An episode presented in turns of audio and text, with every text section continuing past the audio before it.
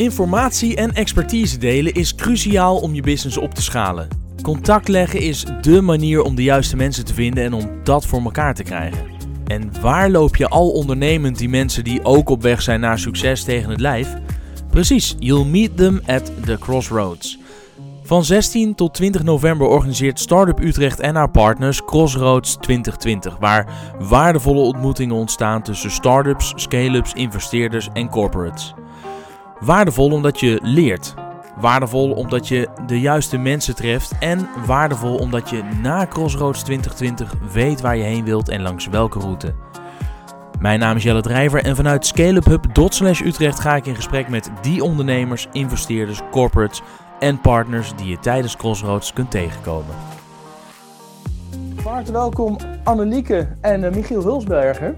Uh, fijn dat jullie uh, op deze manier, in deze rare tijden waarin we leven, online uh, met mij willen afspreken. We, we, spreken elkaar via Zoom. Voor de mensen die luisteren, dat zal je hier en daar wellicht kunnen horen aan het geluid. Dat je denkt, nou, dit is niet in een studio opgenomen. Nee, dat klopt. Het is iets anders dan anders, maar als het goed is, zijn we nog steeds goed te verstaan, toch, Annelieke? Hoor je mij?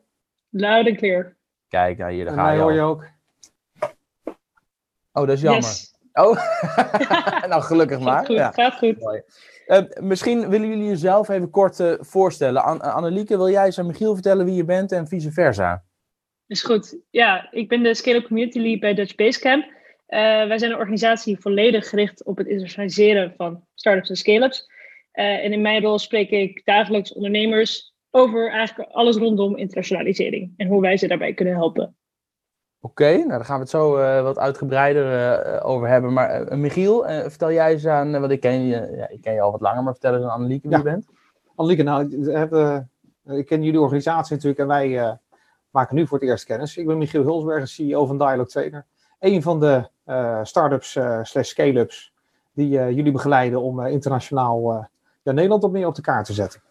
Ben jij niet eens een keer met Dutch Basecamp eh, naar, eh, waar ik al heel graag ooit nog eens een keer naartoe wil, naar CES geweest, Michiel? Ja, ik, eh, ik maakte eh, afgelopen januari maakte we deel uit van de delegatie van Nederland, Dutch Pavilion op CES. En dat is, eh, dat is een hele leuke ervaring geweest. Dat, eh, Ja, daar kan ik me iets bij Ja. voorstellen. Eh, Annelieke, waarom doen jullie dit soort dingen? Waarom neem je start-up, scale-ups eh, af en toe mee naar CES? En, en Michiel die zegt, wij zijn een van de partijen die jullie begeleiden bij het internationaliseren. Hoe moet ik dat zien? Ja, wij zien natuurlijk ook net zoals ondernemers eh, de enorme potentie over de grenzen en, en ook de mooie innovaties die Nederland heeft. Maar waar wij waar we echt door gedreven worden, is ook omdat we denken dat startups enorm positief effect of impact kunnen hebben. Hè. De oplossingen zijn innovatief, ehm, kunnen verschil maken op onze dagelijkse gang van zaken. En daar heeft de oplossing natuurlijk van Dialog Trainer ook enorm effect op. Uh, maar om die impact te vergroten, zul je uiteindelijk ook verder moeten kijken dan Nederland. Um, maar het is een heel nieuw speelveld als je de grenzen over wil gaan. Uh, en die vragen en die expertise daarvoor nodig is, de, die bieden we graag. En dat doen wij niet uh, alleen zelf, maar ook vooral met ondernemers in ons netwerk. En vooral degenen die het al eerder zelf hebben gedaan. Om die lessen nou te delen met ondernemers die het gaan doen. Wanneer ben je er klaar voor om het te gaan doen? Wanneer ben je als start-up of scale-up klaar om te gaan internationaliseren? Dat is altijd de hamvraag. Het hangt natuurlijk van verschillende factoren af. En het verschilt gewoon denk ik heel erg per vertical. Uh, maar in het algemeen zijn er denk ik twee condities. Het eerste is het vinden echt van die product market fit in thuismarkt. Is natuurlijk een woord dat, of begrip die telkens terugkomt. Uh, maar heb je betalende klanten, terugkomende klanten, weet je precies nou welk probleem los je nou voor die klanten in je thuismarkt, in dit geval Nederland, echt op. Als je dat begrijpt, kun je dan ook kijken welke assumpties je hebt in de nieuwe markten en die gaan testen en valideren. Uh, en daarnaast moet je natuurlijk voldoende middelen hebben om internationaal te gaan. Dus dat is zeker in termen van funding of financiële capaciteit. Maar ik denk ook zeker als teamcapaciteit heb je uh, de middelen om je go-to-market dan ook echt te gaan uitvoeren en de markt te betreden. Als je dat hebt, denk ik dat je klaar bent. Ja, Michiel, Dialog Trainer, welk, welk uh, probleem lost Dialog Trainer nou op voor welke specifieke markt? En wat was voor jou het moment om, uh, dat je dacht, ja, maar dat kan ik waarschijnlijk ook over de grens doen voor buitenlandse markten?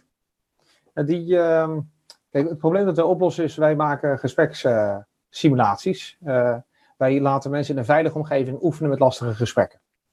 En de veronderstelling onder het bedrijf is dat we daarbij ja, in feite een beperkt aantal gespreksmodellen uitbouwen tot simulaties. Dat zijn er, nou laat het er 75 zijn uiteindelijk. En die, die zijn verschillende, in verschillende culturen zijn die vergelijkbaar. Dus dat betekent dat wij een oplossing hebben die ja, heel erg makkelijk, heel breed inzetbaar is. en wat was voor ons het moment dat we internationaal wilden? Ja, voor mij eigenlijk altijd al. Dus ik zou het bedrijf niet begonnen zijn als ik niet dacht, dit heeft internationale potentie. Maar ja, was dat, was dat altijd al een, echt een droom van je? Ik wil, wil dan de wereld veroveren of hoe, hoe, zit dat? Ja, dat, dat was het zeker. Dat is ook, uh, ja, het is ook een beetje, je leeft maar één keer. En in, in dat leven wil je toch een paar dingen een beetje waarmaken. Kun je maar beter de wereld veroveren. En, en, ik zeg niet dat ik teleurgesteld ben als aan het eind van mijn leven uh, dit niet gelukt is. Als het wel gelukt is, ja, dan, dan loop ik met net iets meer opgeven hoofd misschien wel door het bos. En voor de rest verandert het natuurlijk heel erg weinig. Maar dat is, uh, ja, dat is, dat is zeker een droom. Welke uitdagingen herken jij nou bij het over de grens gaan? Nou, ik denk enerzijds hele praktische uitdagingen, dus waar gewoon tips op passen. Bijvoorbeeld inderdaad, hoe vul je een uh, belastingformulier van, uh, vanuit de VS in? Hè, dat uh, gewoon hele praktische dingetjes. En, en anderzijds inderdaad, het, het, ben, je, ben je daar nou klaar om daar echt de markt te gaan veroveren? Heb je daar de mensen voor? En? In ons geval, nou, we, we zijn, ik denk dat ieder bedrijf een beetje afwijkend is of denkt dat ze dat zijn. Maar dat, uh, wij werken met partners samen. En wij hebben een partner in de VS die inhoudelijk heel sterk is. En omdat zij inhoudelijk heel sterk is, kan ze ons op verschillende plekken meenemen. En, uh, en, dat, en dan heb je daar toch ook een stukje team zitten. En ik denk dat die persoonlijke relaties heel belangrijk zijn. Dat maakt nog niet dat je dan heel snel groeit of zo, maar dan ben je wel internationaal actief. En ik denk dat internationaal actief zijn om verschillende redenen interessant is. Annelieke, als nou een bedrijf bij jou komt en zegt: wil je ons helpen met internationaliseren of dan wel uh, helpen om die stap uh, te nemen of te bepalen of we daar klaar voor zijn? Welke vragen stel jij dan? Hoe bepaal je dat? Ja, dat is uh, zeker belangrijk. Ja, wij hebben daar onze eigen systematiek voor ontwikkeld van hoe bepaal je nou die, die internationalization readiness met alle gesprekken die we voeren. Dus ik kijk inderdaad dan naar onderdelen als ja, wat stel je product market fit, wie zijn je klanten, welke metrics hanteer je daarvoor, heb je al bepaalde funding opgehaald of of hoe zie je dat je dat wil financieren? Uh, welke markten richt je op? En heb je daar al op georiënteerd en hoe dan? Welke assumpties heb je in gedachten? Welke denk je nog misschien te missen? Uh, daar, dus ik plan echt in die gesprekken uh, intakes in waar we door die vragen heen gaan, door het bedrijf heen. en het is ook niet iets aan mij om te bepalen, ben jij klaar? Ik, ik, ben niet ondernemer, ik ben niet eigenaar van het bedrijf. Dat is echt iets waar je zelf achter moet staan. Maar ik ben er wel om kritisch na te denken, mee te denken. En ja, als we er samen uit zijn, dan kan ik meedenken welke verschillende oplossingen we hebben of manieren om daarbij de volgende stap te zetten. En wat kun je daar nog meer over vertellen, over die oplossingen die jullie dan bieden aan zo'n ondernemer als Michiel? Ja, dat uh, in eerste instantie een hele mooie uh, manier is coaching krijgen. We hebben 22 topondernemers die uh, bij ons coach zijn. Die geven dan één op één advies. En we laten met hun ervaringen. Het gaat echt om wat hebben zij, zij tegengekomen. En dat is in bepaalde verticals, bepaalde markten. Hoe bijvoorbeeld schaal je teams internationaal op. Hebben mensen met daar ervaring in. Dus we koppelen echt aan een ondernemer die in die vragen de ervaring heeft. Uh, maar daarnaast hebben we ook verschillende tools. Ook uh, internationalisatie Canvas. En echt een uh, methodologie waarbij je markt bepaalt, je go-to-market strategie uitwerkt en ook je executiestappen bepaalt. Uh, maar dat is een van de paar voorbeelden van de, vele dingen die we doen. Oké. Eh, het, het, het, is natuurlijk leuk om te praten over dingen die goed zijn. En misschien heb je daar straks wat mooie voorbeelden van, van partijen die jullie geholpen hebben met succes om over de grenzen te gaan. Maar minstens zo leerzaam vind ik de, de, de, de momenten waarop het niet goed ging. Eh, kun je ook voorbeelden noemen? Wanneer is een bedrijf nou echt niet klaar? Of uh, zijn er voorbeelden van bedrijven die echt op hun bek zijn gegaan in het buitenland? Bijvoorbeeld, weet ik veel, omdat je ervan uitgaat dat zoals het in Nederland werkt, uh, dat het in Taiwan of in een ander land uh, ook zo is. Hè? Ik, noem maar wat. Maar welke voorbeelden kun jij noemen van bedrijven waarbij het echt volledig mis is gegaan? Ja, ja, er is dus geen één recept om te internationaliseren, maar er is zeker uh, wel valkuilen. En ik denk als je kijkt hoe je bijvoorbeeld de go-to-market strategie echt mis kan doen, is een goed voorbeeld eBay in China. Um, in 2003 kocht eBay EachNet, dat was toen nog de grootste veilingspeler in China voor 180 miljoen dollar. Uh, op dat moment hadden ze meer dan 2 miljoen gebruikers in China en een marktaandeel van 85%. Maar er was ook een andere concurrent die toegang kreeg in de Chinese markt, Taobao, uh, in Chinees eigendom. Nou, fast forward twee jaar na het marketing in China heeft eBay zich moeten terugtrekken. Uh, compleet van de online veilingmarkt in China. En hebben daar 300 miljoen dollar uitgegeven. En niet gelukt. Ja, er zijn volgens mij wel meer. Eh, ik heb het boek gelezen van ehm, eh, de, ehm, oh, de, oprichter van, uh, van Ali, Jack Ma.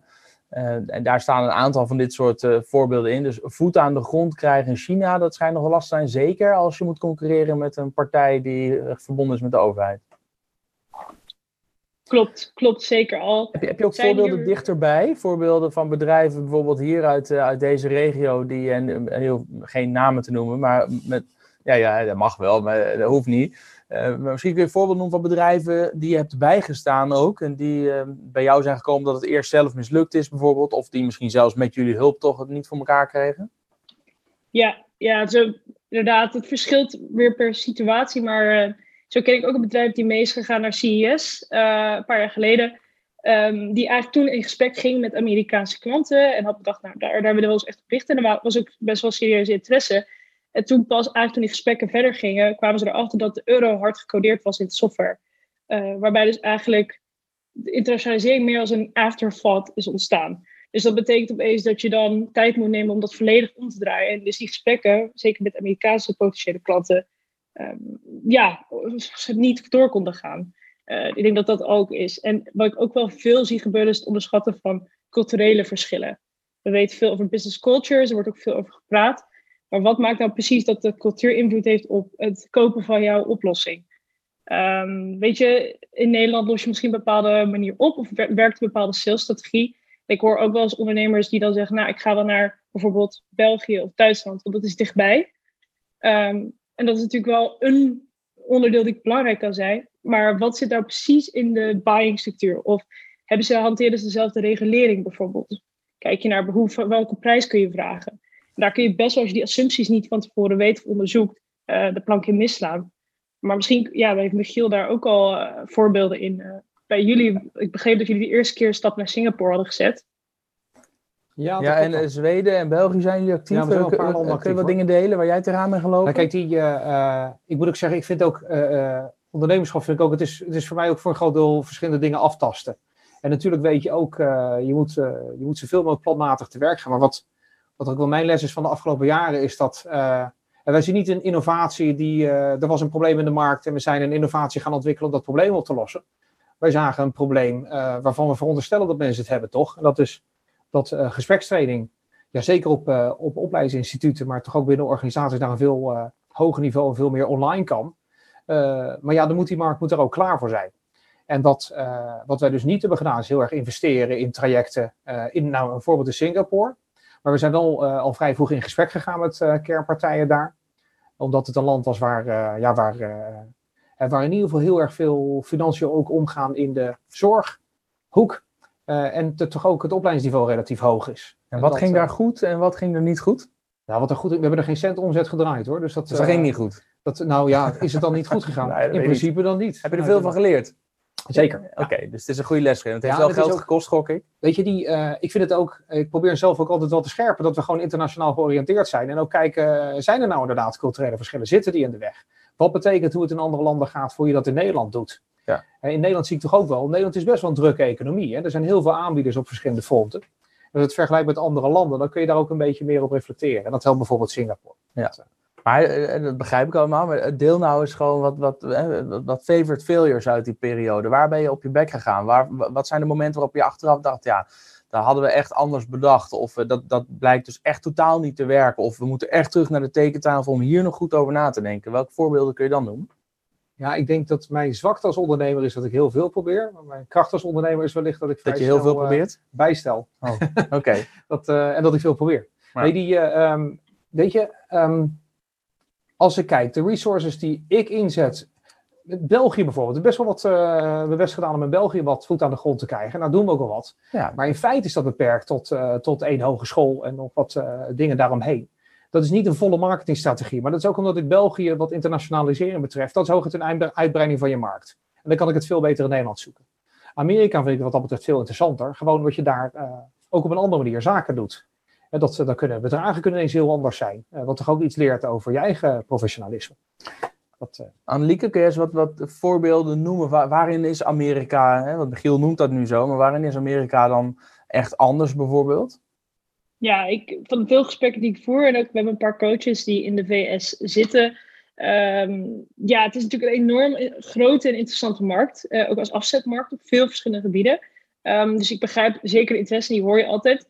Maar de VS is wel desondanks veel serieuzer nog. Dus een voorbeeld is, uh, je moet met een aanzienlijk grotere war chest of meer funding hebben om de markt te kunnen betreden. Dus een paar coaches gebruiken een beetje als vuistregel van, je moet serieus zijn, dus kom niet met minder dan 2 miljoen dollar om daar in de markt te kunnen investeren. Als je denkt aan een VP sales in een grootstedelijke gebied, zeg zeker Silicon Valley of in New York, moet je denken aan 250.000 dollar per jaar omzet of uh, kosten om die persoon aan te nemen.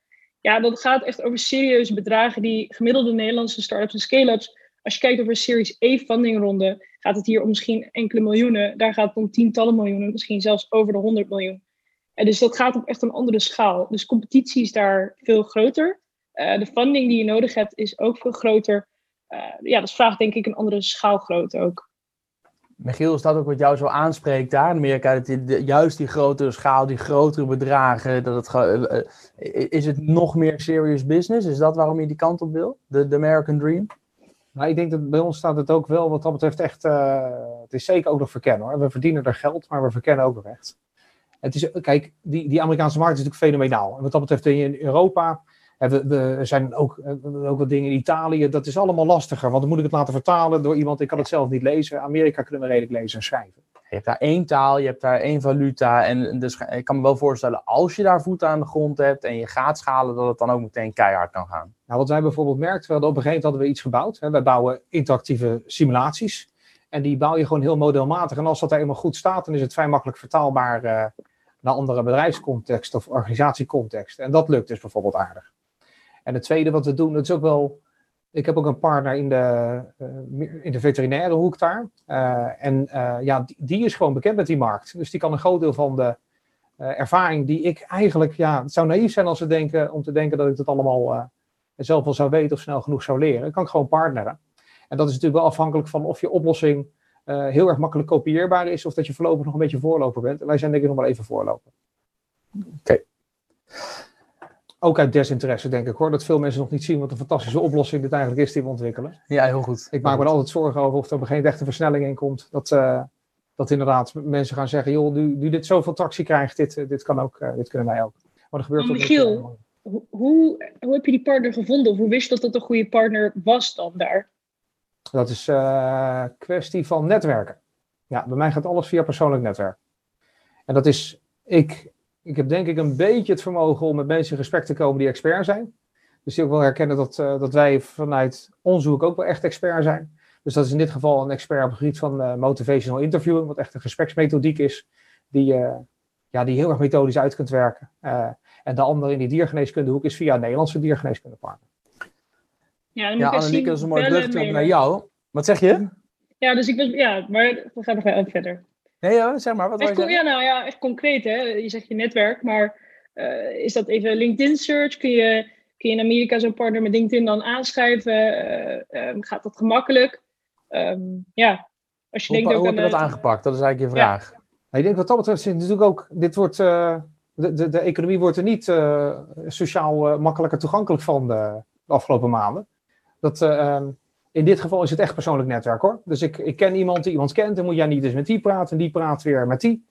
En dan uh, lukt het redelijk goed om uh, uiteindelijk uh, een expert te bereiken. Nou, aan de andere kant kan ik me ook voorstellen dat in de tijd waarin we nu leven, dat we zo, kijk naar hoe we nu met elkaar een, een podcast opnemen, dat even aftasten en elkaar in de ogen kijken met iemand in Amerika, dat ook dat ergens die drempel even verlaagd ja. is. Hè? Het wordt allemaal geaccepteerd ja. om dat via Zoom te doen, je hoeft er niet meer naartoe te vliegen. Nee, dat, dat, zeker. En dat is ook dat is denk ik de heroriëntatie voor de meeste van ons. Dus inderdaad, uh, ik zat vanochtend ook in een overleg met mensen die ik nog nooit gezien heb. En twee van hen blijken elkaar een keer ontmoet te hebben. Nou, dat wordt dan gevierd. maar de, de, rest lacht er natuurlijk een beetje ja. om. Natuurlijk, ja. dat is helemaal niet nodig. Ook Singapore, uh, hè, dat soort plekken. Je, je, kunt er zo overleg hebben. Dat, uh, ja.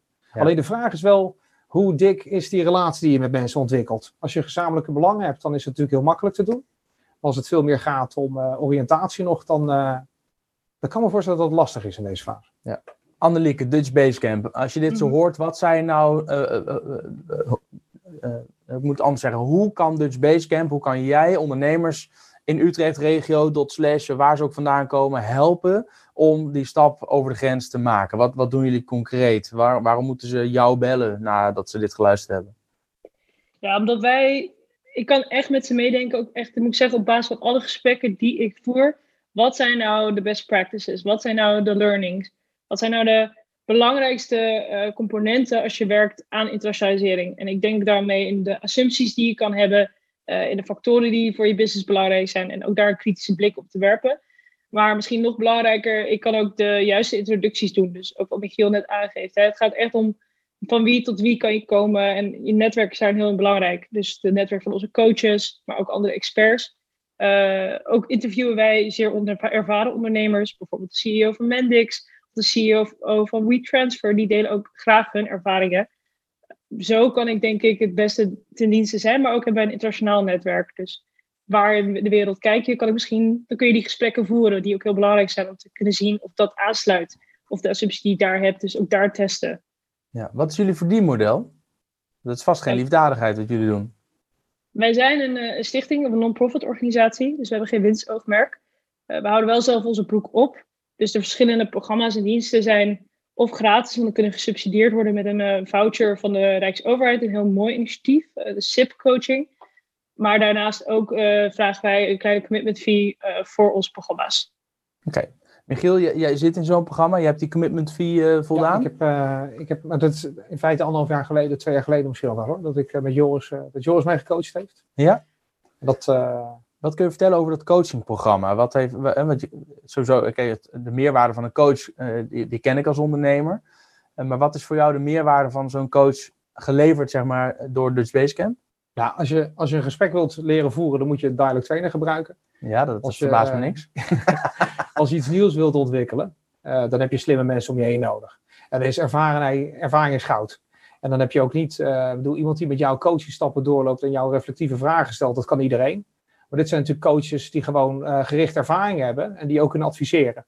Dus het is een coach-adviseur.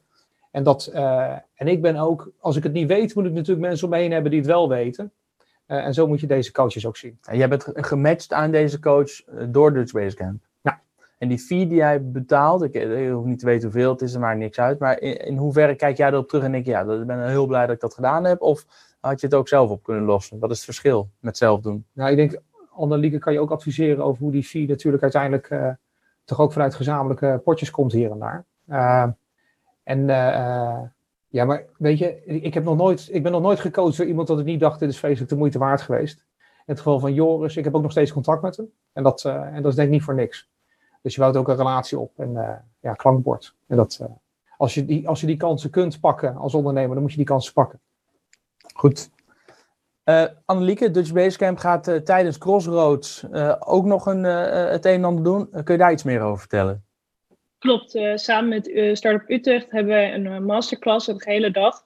We hebben daar acht Utrechtse startups, scale-ups in zitten die echt kijken naar, oké, hoe kan ik nou mijn markt bepalen en wat zijn een beetje de overwegingen en eerste stappen als ik denk aan mijn go-to-market strategie. Ik denk dat daar vooral de focus op ligt. Um, dus wij gaan daar de hele dag met ze door om dat samen te ontwikkelen. En kun je er iets meer over vertellen nog? Hè? Dus ik meld me aan als Startup Scale-up. Wanneer kom ik in aanmerking voor die sessie? Um, wanneer moet ik vooral overwegen om me in te schrijven? En hoe, hoe zie, ik moet er een hele dag voor uittrekken, begrijp ik. Wat gaan we dan doen tijdens die dag en wat haal ik eruit? Klopt, ik zou nog wel enkele paar plekken hebben voor uh, bedrijven die in de juiste fase zitten. Nee, het is echt, uh, ik denk als ik naar de groep kijk, bedrijven die richting die product market fit gaan. Dus het is net even een fase iets eerder dan meestal met coaching die we doen. Uh, zodat we echt even kunnen meegeven wat voor tools we hebben. je, je, bent aan het denken van wat betekent nou internationalisering? Waar begin ik nou eigenlijk überhaupt? Um, en welke dingen kan ik nu al misschien aan gaan werken? Zoals ik echt die stap wil gaan zetten, dat ik die goed kan zetten. Al zitten er een paar partijen die al wel enige internationale stappen hebben gezet. Ook een paar nou, fuck-ups hebben gehad. En denk nou nee, ik wil nu wel even echt goed over nadenken. Ik heb gemerkt dat het toch niet zo makkelijk was als, als het dan het denkt te zijn. Zelfs niet naar bijvoorbeeld België, uh, hoor ik vaak. Nou, dan kun je dan zeker bij ons bij zijn en dan gaan we daarmee uh, aan de slag. Ja, en je zegt als, als je aan de, de, de criteria voldoet, maar uh, wanneer voldoe je aan de criteria? Is het bijvoorbeeld vooral voor start-ups en dan meer early stage of meer late stage of meer scale-ups? Hoe ziet jouw ideale groep eruit? Wie wil je erbij hebben?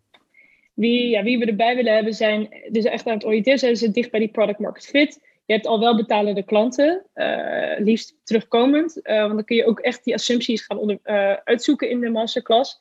Dus ik denk, qua stages is het altijd heel moeilijk, want dat verschilt. Weet je, je hebt een start-up, als jij twee type klanten heeft, zoals één bedrijf heeft ProRail, er is maar één ProRail in Nederland. Dan moet je al meteen de grens over als je die als klant hebt. Nou, dan kun je net zo goed bij ons aansluiten. Ben je een SaaS-bedrijf die zich richt op MKB, ja, dan, en daarin niet precies weet wat je niche of precies je ideale klant is, dan is dat nog wel heel breed. Kun je nog in Nederland, denk ik, best wel wat stappen zetten. Dus dat verschilt. Dus daarom is het echt op basis ook van intake in gesprek. Um, het is niet, dus, dus als je scale-up bent, hoef je, want die zorg krijg ik wel eens uh, vanuit uh, de community. Dat als je scale-up bent, dan hoef je je geen zorgen te maken dat je weer heel erg over echte beginselen gaat praten. Uh, en als start-up hoef je niet bang te zijn dat je met allemaal partijen komt zitten die veel verder zijn. Jullie zorgen ervoor dat die groep een, een, goede samenstelling heeft, zodat iedereen daar ook echt wat te halen heeft.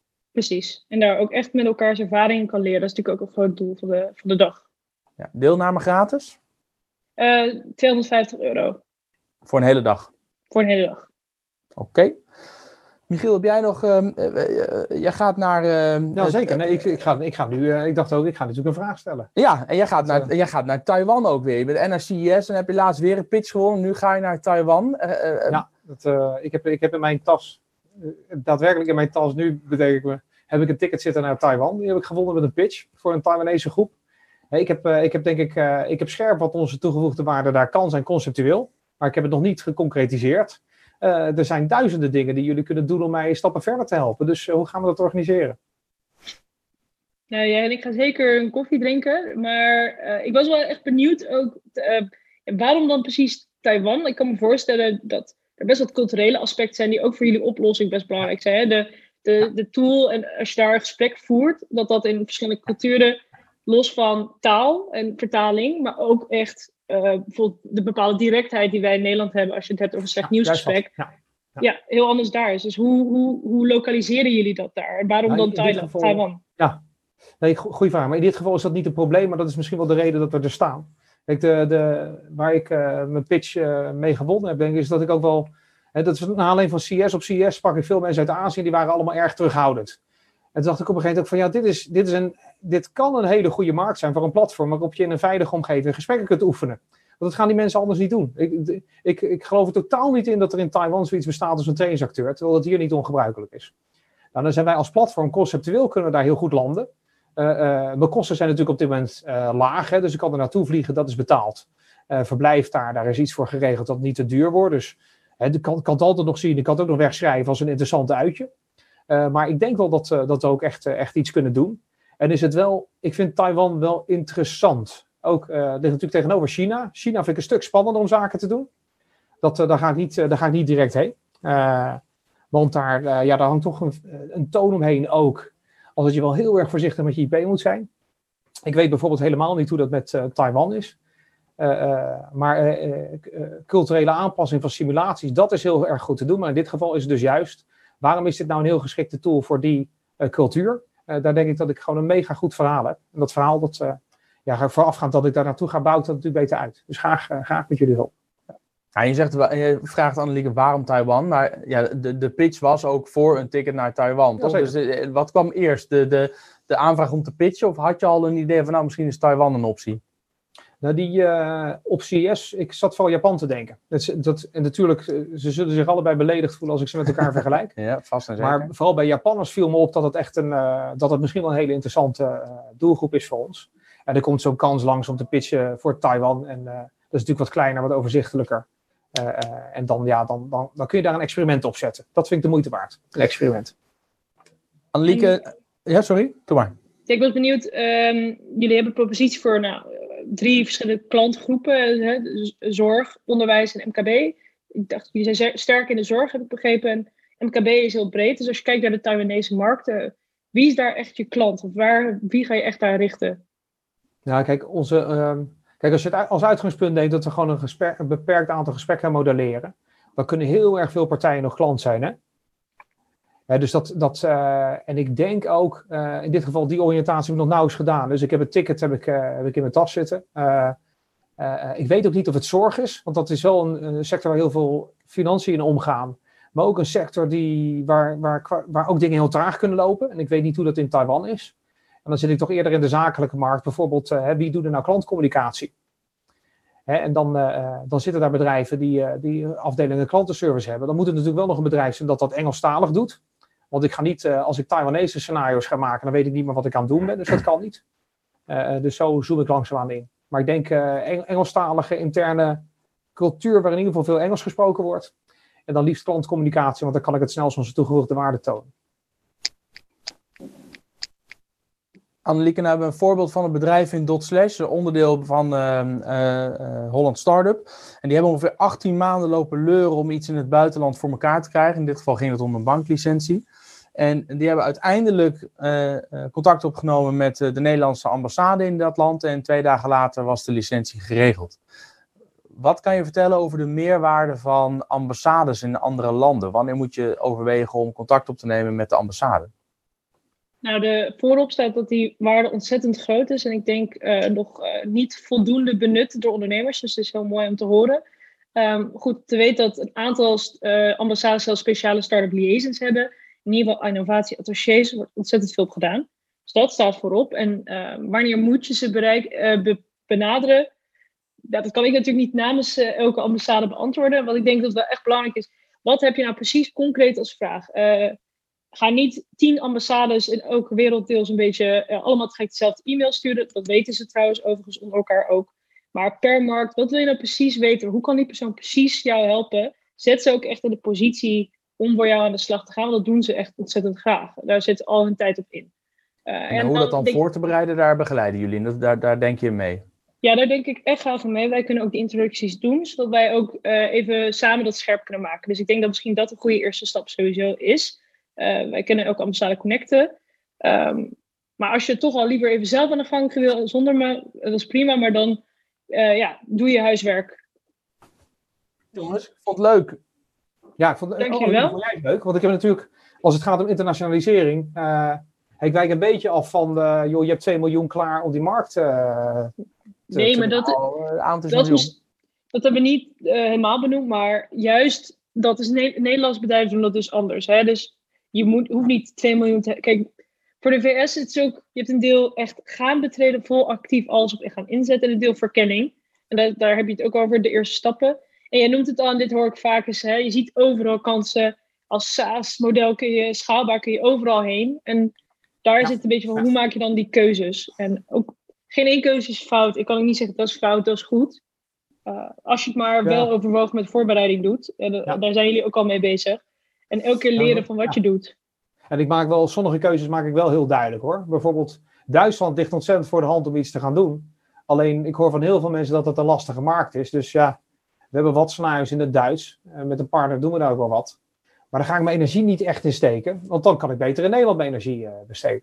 Ja, maar ja, dat is denk ik die keuze. Gewoon, uh, ja, en ik denk, Waar ga je... Taiwan, ja? Nee, Taiwan en Amerika heeft ook nog gewoon... Het heeft ook intern marketingwaarde, hè? Dus als ik een beetje zaken doe in Amerika, dat is voor mijn Nederlandse markt heel goed. Dan, uh, die zien allemaal, uh, goh, jeetje, dat is indrukwekkend. Ja, en dat is wat je ook wil, natuurlijk een, een roadmap. Hè? Dat was ook een deel wat je toen destijds, maar dat is alweer twee jaar, en dat de tijd verandert met Joris. Van welke markt help je naar een volgende markt? En wat heb je dan nodig? Ook een beetje KPI's, wanneer lukt het en wanneer niet? Wanneer moet je terugtrekken? Ja. Um, en zo krijg je, weet je, weet je, ik heb ook het voorbeeld van Klarna, die dan, nou, wat is het, tien jaar uh, halen ze geld op bij Sequoia, terwijl ze dan Nederland en Duitsland daarmee betreden, om dan uiteindelijk naar de VS te gaan. Maar die hebben een duidelijke stappenplan met Zweden, dan Scandinavië, dan Nederland en Duitsland. Uh, en dan door naar de UK en dan naar US. Ehm, ja, en dan ook een Amerikaanse uh, investeerder gebruiken om dan verder te gaan met die go-to-market. En zo is er elke keer weer, ja, het is nooit, we hebben helaas niet één recept. Als je kan zeggen, dat is wat je moet doen, dan ben je klaar. Ja, en dan is het wel interessant zeggen. Je zei, wanneer moet je terugtrekken? Wanneer is dat?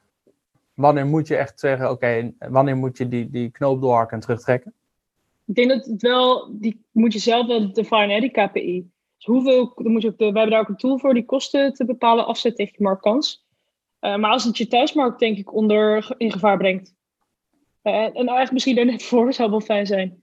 Uh, de gevaar is dat je een beetje zo'n cost. Ik wil niet nu terugtrekken, want ik heb net inderdaad 18 maanden aan die banklicentie getrokken. Ik ga nog even door. Ik ga nog even door. Maar ja, uh, een beetje de James Bond of pokergevoel. Ja, uh, wanneer stop je? Ja, dat is die gevangene toch, die over de eerste muur klimt en is er nog een muur en dan bij, en er zijn er honderd muren. En bij de 99ste muur denkt hij, ja, dit wordt helemaal niks, ik ga weer terug. Ja, en als je dat van tevoren al, met, hè, want tijdens is het heel moeilijk, maar als je dat van tevoren bepaalt, dit is wat we willen, dan moet ook wel, soms hoor ik ook wel van, nou, dan moet je in zes maanden moet je in Duitsland succesvol zijn, ga maar country lead. Dat is ook misschien niet helemaal fair, of een manier om die succes te halen. Maar als je een beetje wel een soort goede runway en ook wat voor geld je dan hebt gebudgeteerd en een beetje extra ruimte, nou, en als dat niet gehaald wordt, eh, moet je daar je conclusie trekken. Of er zijn meer opties, maar ja. oplossingen.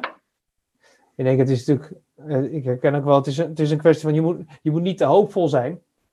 Ja, want dan zie je overal nieuwe kansen. En aan de andere kant moet je ook de energie houden. En, uh, ja. En de, meeste, hè, de meeste stappen in mijn onderneming, toch ook als ik achteraf, hè, achteraf de hoeveelheid energie die dingen gekost hebben. Ja. Ja. ah, ja. Ik word ook wel, volgens mij heb jij hetzelfde probleem, Michiel. Ik word ook nog wel eens een opportunity hoer genoemd. Omdat ik als ik een kans zie, dan heb ik een sterke neiging om erin te springen en hem te grijpen. Uh, focus wil ook nog wel eens uh, verstandig alternatief zijn. Ja, dat vind, ik, en dat vind ik ook nadrukkelijk mijn eigen zwakte hoor. Dus uh, focus. aan focus. Ja. aan de andere kant, weet je, ik ben, ik ben een hele goede ideeënman en een hele goede expert met dit product. En ik zoek ja. dus mensen om me heen die zorgen dat, dat, dat je daarna dingen valideert en het wat strategischer maakt. En heb je dus uh, Dutch Basecamp bijvoorbeeld, kan ontzettend nuttig zijn, want dat soort klankbord heb je nodig. Je hebt gewoon mensen nodig in je omgeving die zeggen, hartstikke goed idee Michiel, misschien moet je er een film van maken. Ja. maar, dit, uh, maar dat wordt hem niet. En, en, in dit geval, eigenlijk zitten wij altijd aan de veilige kant. Hè? Wij maken nauwelijks kosten. Ja, dus, ik denk dat de, grootste uitdaging wat jullie beiden dan noemen, en dat is focus aanbrengen, uh, continu in, in alles wat je doet. En, ja, je bent niet voor niets ondernemer. Je hebt gewoon uh, ontzettend ondernemersinstinct. Dat heeft je eigenlijk altijd geholpen. Daardoor pak je kansen, zie je kansen en ben je ook succesvol. Alleen wij zien dus ook als je de grens overgaat, ja, laat een de coach je terecht. Eigenlijk alsof je opnieuw een start-up begint. Gewoon helemaal van scratch. Het is gewoon een, een, nieuwe onderneming. En ja, dan, komen er gewoon weer, dan kun je niet helemaal meer vertrouwen op de instinct die je had in de Nederlandse markt. Het is gewoon niet helemaal hetzelfde. Dat, en dan keuzes maken en dan echt zeggen, daar ga ik voor. Ja, die, dat is een beetje wanneer ga je vakantie. Ik zou nooit zeggen, stop daarmee, want je moet ook gewoon geld verdienen. Je moet gewoon doorgaan met je bedrijf. Je moet ontwikkelen. Dat is ook een beetje moeilijk als ondernemer. Al die ballen hoog houden. Er gebeuren heel veel dingen tegelijk. Als je kijkt naar internationalisering, werkt daarom dan aan een strategie, aan een plan. Dat kun je zo groot maken als het is, maar het zijn ook al simpele stappen die je kan doen ja, of simpele onderzoeken ja, uh, testen. Ja. Alleen omdat het je, het strategie dwingt je natuurlijk op een gegeven moment te evalueren of, of, het, of het afwijkt. Dat, uh... Precies. Het is ook nooit lineair. Het is niet doe dit, dit, dit en dan ben je klaar. Het is een ja, iteratief proces.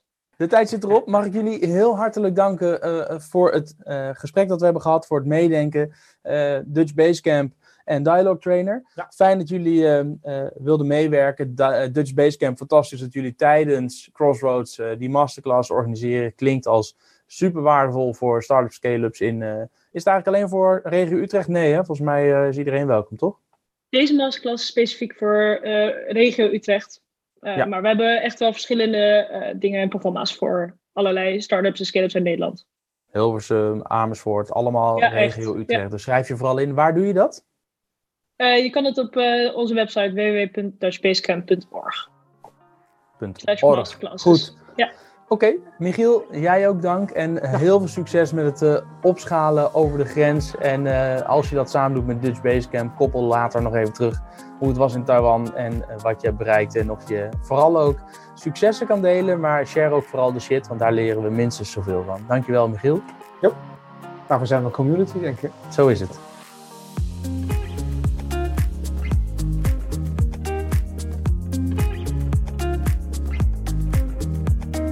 Thank you for listening to this podcast. To avoid copyright claims, here are the music credits. Over you at https soundcloud.com hatch music. Creative Commons Attribution 3.0 Unported CC by 3.0. Free download stream http bit.ly over you. Music promoted by Audio Library https uta.brlbuflkhsk.